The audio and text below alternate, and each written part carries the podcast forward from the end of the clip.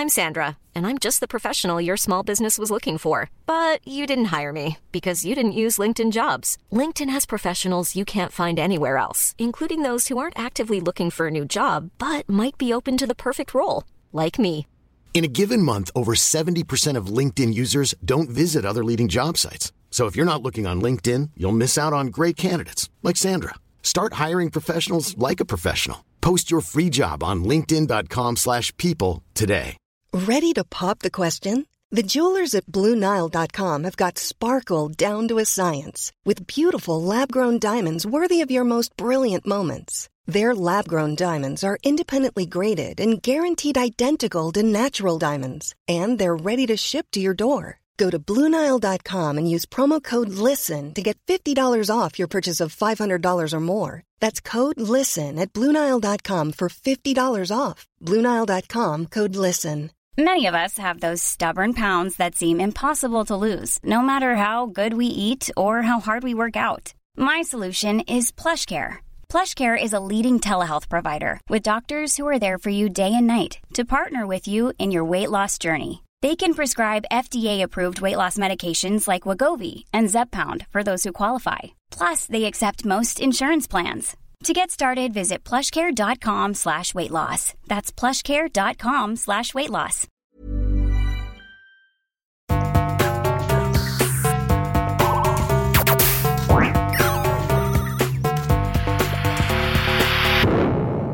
Velkommen til Sinnsyn. Jeg heter Sondre Risom Livre, er psykolog, og dette er Webpsykologens podkast. Hverdagspsykologi for fagfolk og folk flest.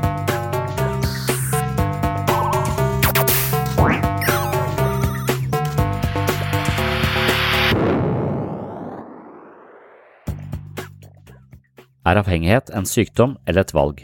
Er det forårsaket av psykososiale faktorer, genetikk og eller fysiologi? Er det stoffet eller våre avhengige disposisjoner og tilhørende oppførsel som gjør mennesket til slaver? Eller har noen personer bestemte karaktertrekk som gjør dem mer sårbare for avhengighet og misbruk? Er avhengighet et symptom eller et uttrykk for psykologiske vanskeligheter? Skal det forstås som en destruktiv mestringsstrategi for å takle emosjonelle konflikter? Spørsmålene er mange, og svarene spriker i like mange retninger. Dette er tema i dagens episode av Sinnssyn. Selv om avhengighet har vært et eh, velkjent fenomen i flere hundre år, så finnes det fremdeles ingen klar enighet om definisjonen på avhengighet. Verdens helseorganisasjon definerer avhengighet som en mental lidelse hvor en person misbruker et stoff om og om igjen, selv om man kjenner til og opplever dets skadelige effekter. WHO legger til at personer har ukontrollerbare lyster til å bruke stoffet, trenger økende mengder for å oppnå de samme effektene som tidligere, og opplever fysiske symptomer hvis han slutter å bruke stoffet. De fysiske symptomene handler blant annet om at kroppen har vent seg til det aktuelle rusmiddelet, og i noen sammenhenger justerer hele systemet seg inn på nytt, slik at kroppen nå regner med tilførsel av rusmiddelet for å fungere ordentlig. Når man tar vekk stoffet, vil kroppen reagere kraftig fordi den mangler virkestoffet i rusmiddelet for å fungere.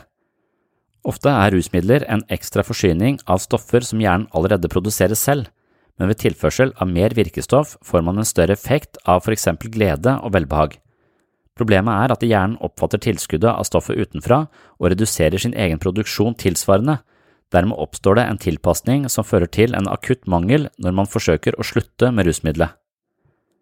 American Pain Society, American Academy of Pain Medicine og American Society of Addiction Medicine har sammen utarbeidet definisjoner som omhandler narkotikarelaterte avhengigheter. Disse organisasjonene definerer avhengighet som en kronisk og nevrobiologisk sykdom med genetiske, psykososiale og miljømessige faktorer som påvirker dens utvikling og manifestasjon.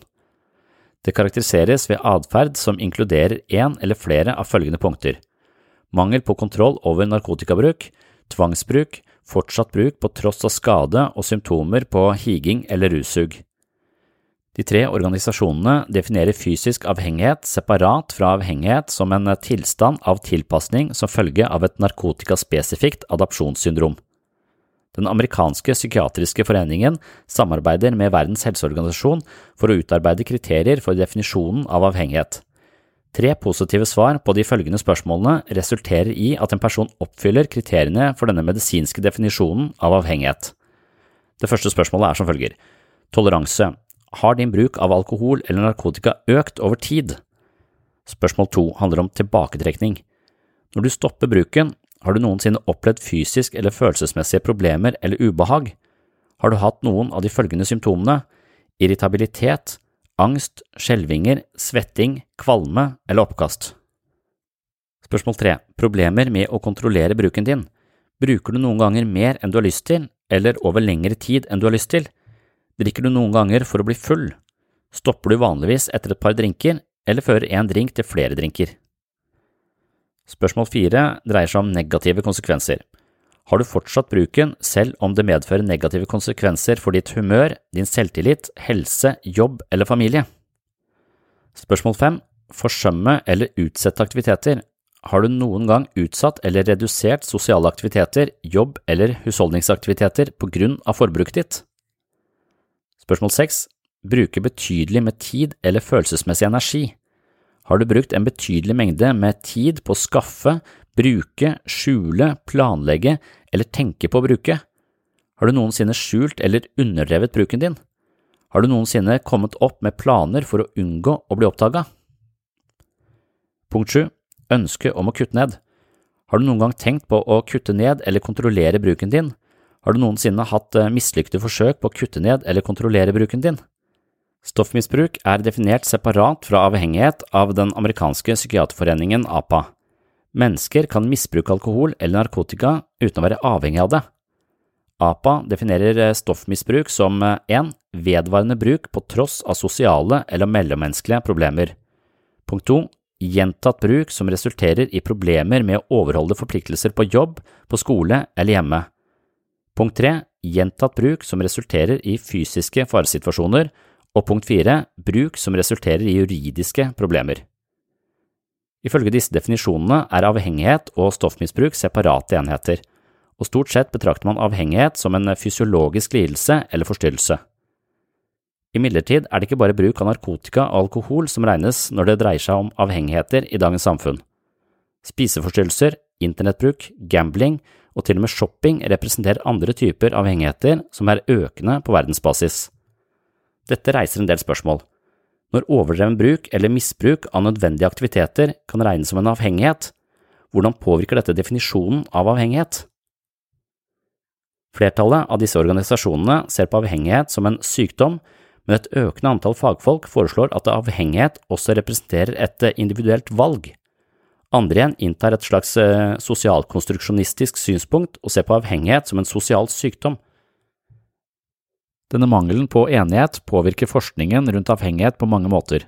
Statistikker, kategoriseringer, diagnoser og vurderingen av effektive behandlinger er alle kompromittert på grunn av en massiv uenighet rundt fenomenets natur.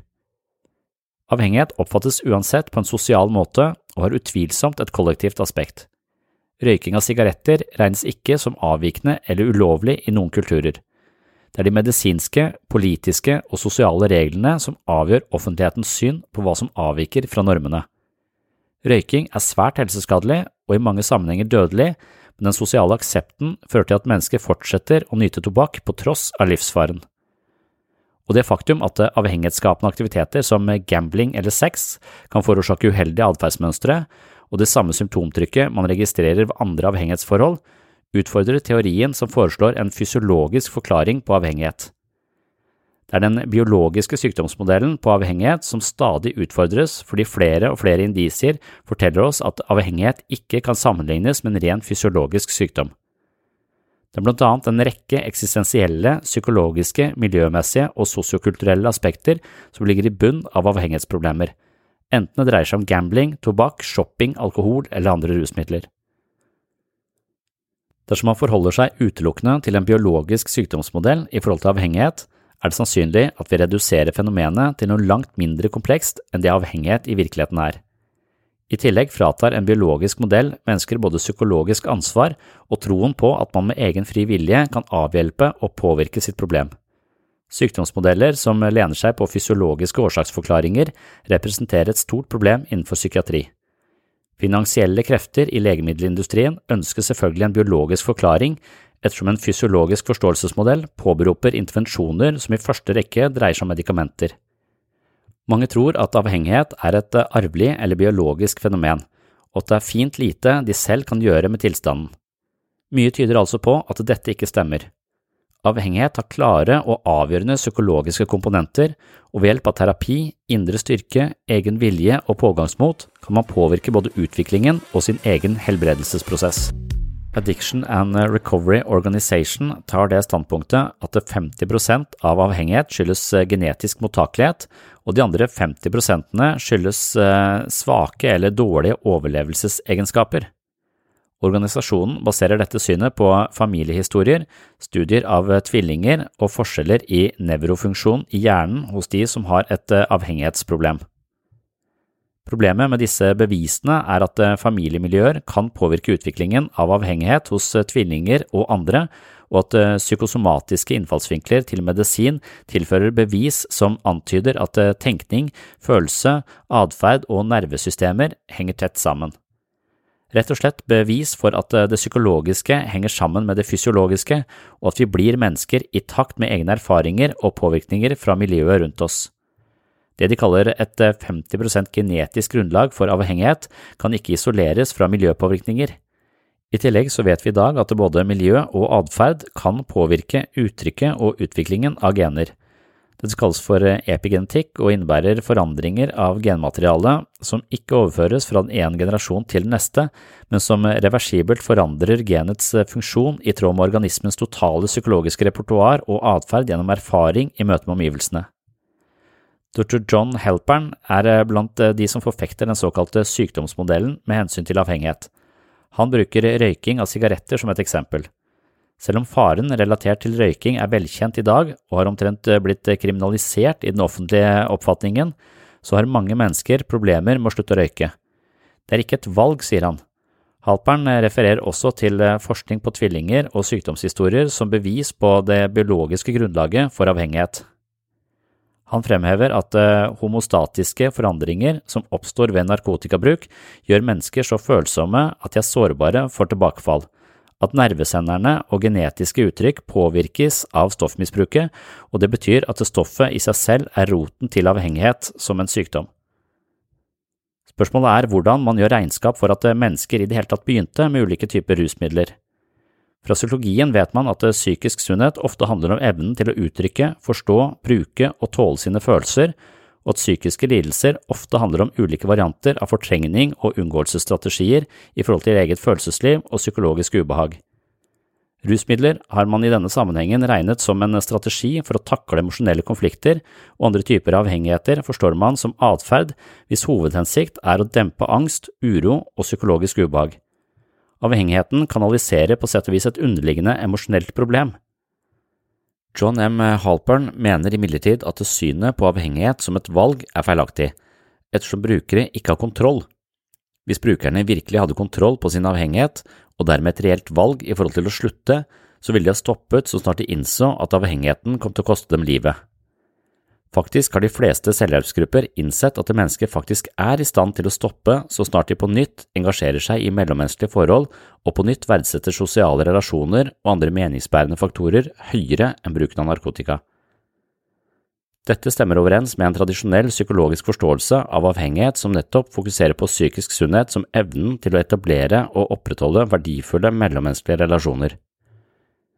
Hovedsymptomet ved psykiske lidelser er ofte isolasjon og problemer i sosial samhandling, hvorpå ulike symptomer og ugunstige mestringsstrategier dukker opp for å kompensere for mangel på nettverk og sosiale forbindelser. Rus og rusmisbruk har dermed blitt forstått inn i en slik kontekst. Det vi kan se på som ødeleggende, som for eksempel å miste jobben, hjemmet, ekteskap, barn, selvrespekt osv., kan over en lengre tidsperiode, via tendenser i retning av tilbaketrekning og isolasjon, føre til at mennesker forandrer sine prioriteringer og verdisyn, hvorpå rus og avhengighetsproblemer overtar for personlig vekst gjennom sosiale fellesskap. Det kreves en forandring i den individuelles oppfatning av de positive og negative effektene av stoffbruk og eller aktiviteter for å tilpasse sine verdier til offentlighetens oppfatning av gode verdier. Selvhjelpsgrupper med fokus på sosial integrering og positivt sosialt samspill har dermed vist en særdeles kurativ effekt på mennesker med rus og rusrelaterte problemer. Halpern anerkjenner verdien av støttegrupper i forhold til å skape endringer i en avhengig persons oppfatning av verdier, men han vektlegger likevel den medisinske modellen for avhengighet og poengterer at mange former for avhengighet kan ha selvmedisinerende komponenter som videre kan lindres med de foreskrevne legemidler. I tillegg nevner han en liten mulighet for at man en dag oppdager en vaksine som gjør mennesket immunt for kokainavhengighet. Halpern mener at det å betrakte avhengighet som en sykdom, og ikke som et psykologisk eller psykososialt problemkompleks, kan hjelpe til med å dempe sosialt stigma, redusere devaluering og nedsettende ideer om individet og flytte ansvaret for avhengigheten fra individets skuldre over på samfunnets, noe som videre kan øke muligheten for behandling for lidelsen. Ulempen med sykdomsmodellen er imidlertid at ansvarsforflytningen som her foregår i biologisk retning, skaper en antakelse om at lidelsen er biologisk determinert, altså betinget av biologiske komponenter, noe som videre anstifter en antakelse om at man ikke kan bli kvitt sykdommen gjennom psykologisk selvutvikling, selvdisiplin, innsatsvilje og indre styrke. Sykdomsmodellen har en tendens til å fange mennesker i en fastlåst oppfatning av sitt avhengighetsproblem. Dr. Hobart Sheffer er blant dem som ikke tror på sykdomsmodellen for avhengighet. Han peker på at forbindelser i nervesystemet og avhengighet er to veldig forskjellige ting.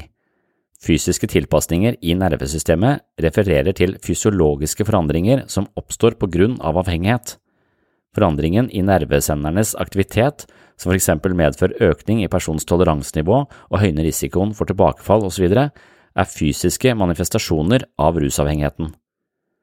Han poengterer at postoperative pasienter kan bli fysisk avhengig av smertestillende, men uten å vise avhengighetslignende oppførsel. Schaffer legger også vekt på at avhengighet inkluderer atferdsmønstre som ikke ene og alene er et resultat av nevrologiske tilpasninger, og at man stadig finner flere bevis for at avhengighetslignende atferd, ikke bare de fysiske egenskapene til stoffet, som for eksempel gambling, kan bidra til fysiologiske forandringer på et nevrologisk nivå.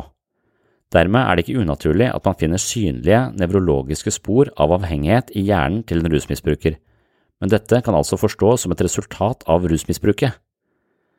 Det er rusatferden som skaper nye handlingsmønstre hvor fokus på mening ikke lenger er plassert i en sosial og mellommenneskelig ramme, men er flyttet over på å anskaffe seg rus. Schaffer sier også at mange mennesker som er genetisk disponert for avhengighet, ikke utvikler lidelsen, og at narkotikabruk ikke alltid resulterer i avhengighet. I tillegg er det slik at det personlige karaktertrekk heller ikke er en konsekvent indikator for avhengighet.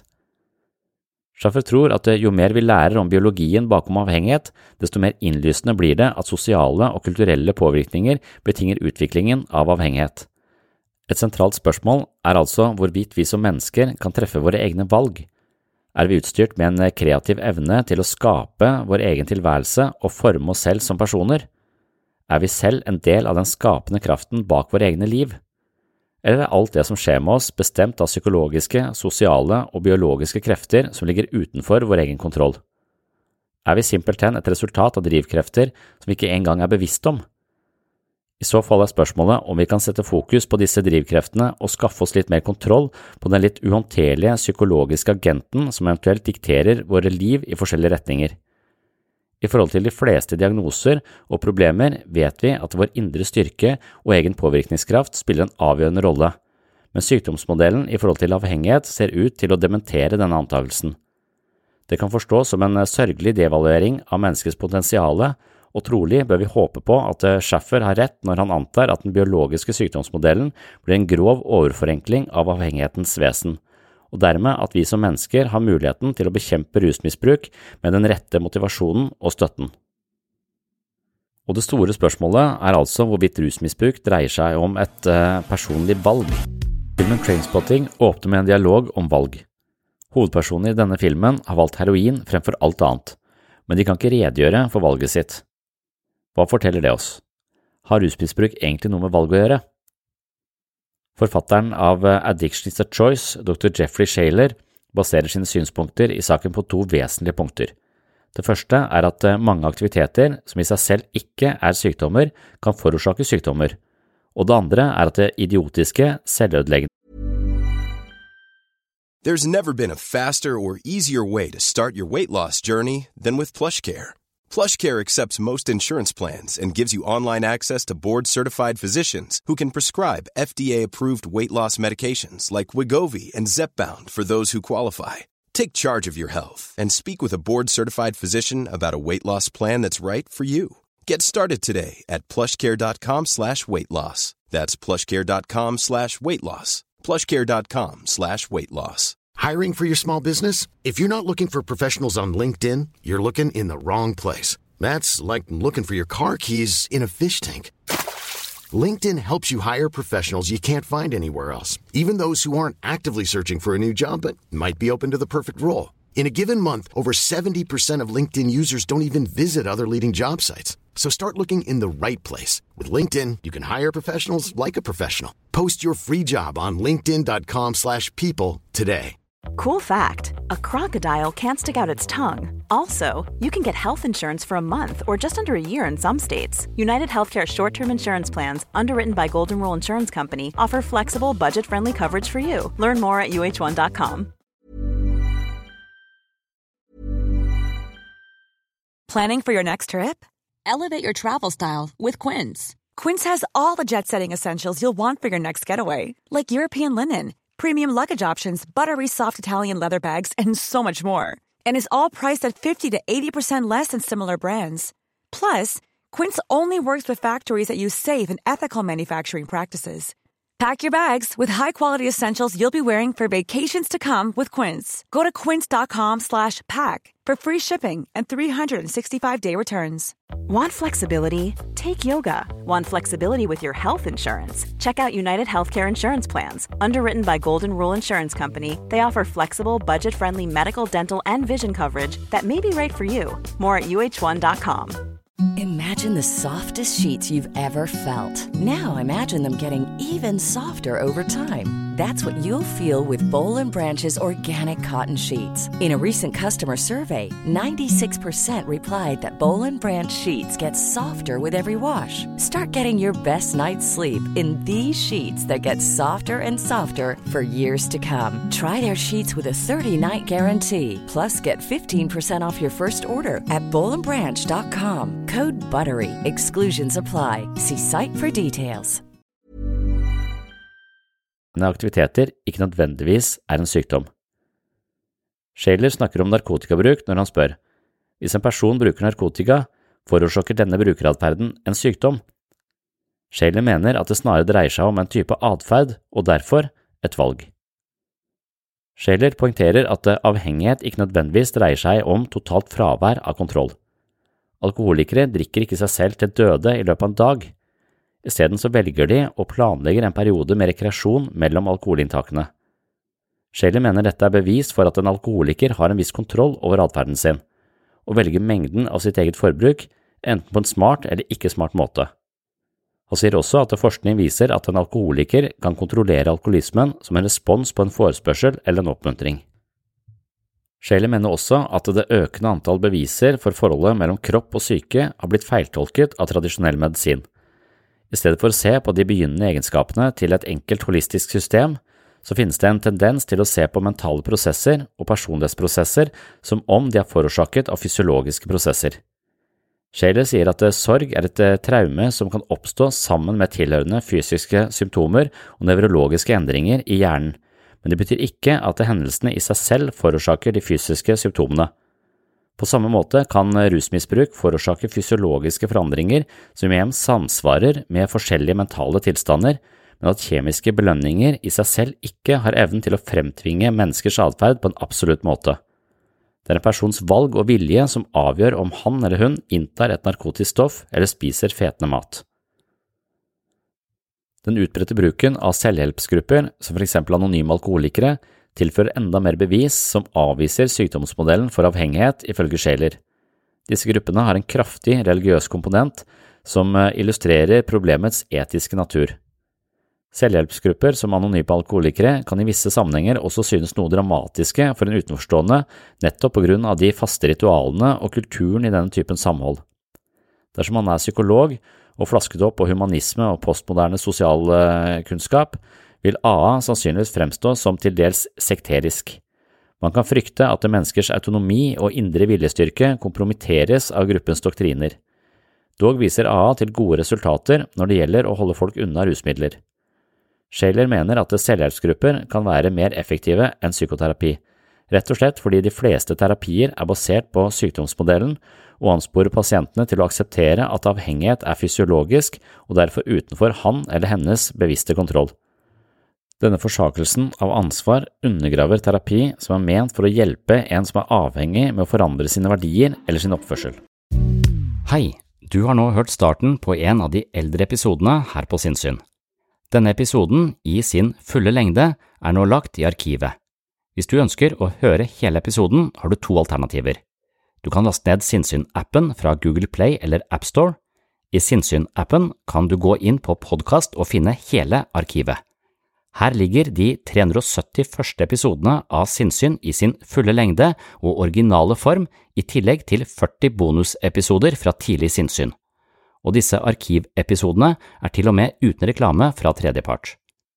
Alternativ to, hvis ikke du vil bruke Sinnsyn-appen, er å gå inn på patron.com for segs sinnssyn.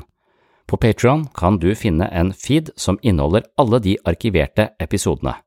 Denne feeden kan du legge inn i din favoritt-podkastspiller, og vips har du tilgang til alle episodene fra Sinnsyn i perioden mellom juli 2016 og oktober 2022 altså seks år med Sinnsyn-episoder i sin fulle lengde uten reklame. Sinnsyn-appen og Patron er to forskjellige plattformer, men begge to inneholder Sinnsyn-arkivet, i tillegg til alt du trenger for å komme i form både mentalt og fysisk. Last ned mitt mentale treningsstudio i form av Sinnsyn-appen fra Google Play eller AppStore, eller besøk mitt mentale treningsstudio på patron.com for segs sinnssyn i dag. Da kan du høre videre her du slapp, eller finne andre interessante temaer fra psykologiens verden. Og du, tusen takk for at du hører på Sinnsyn.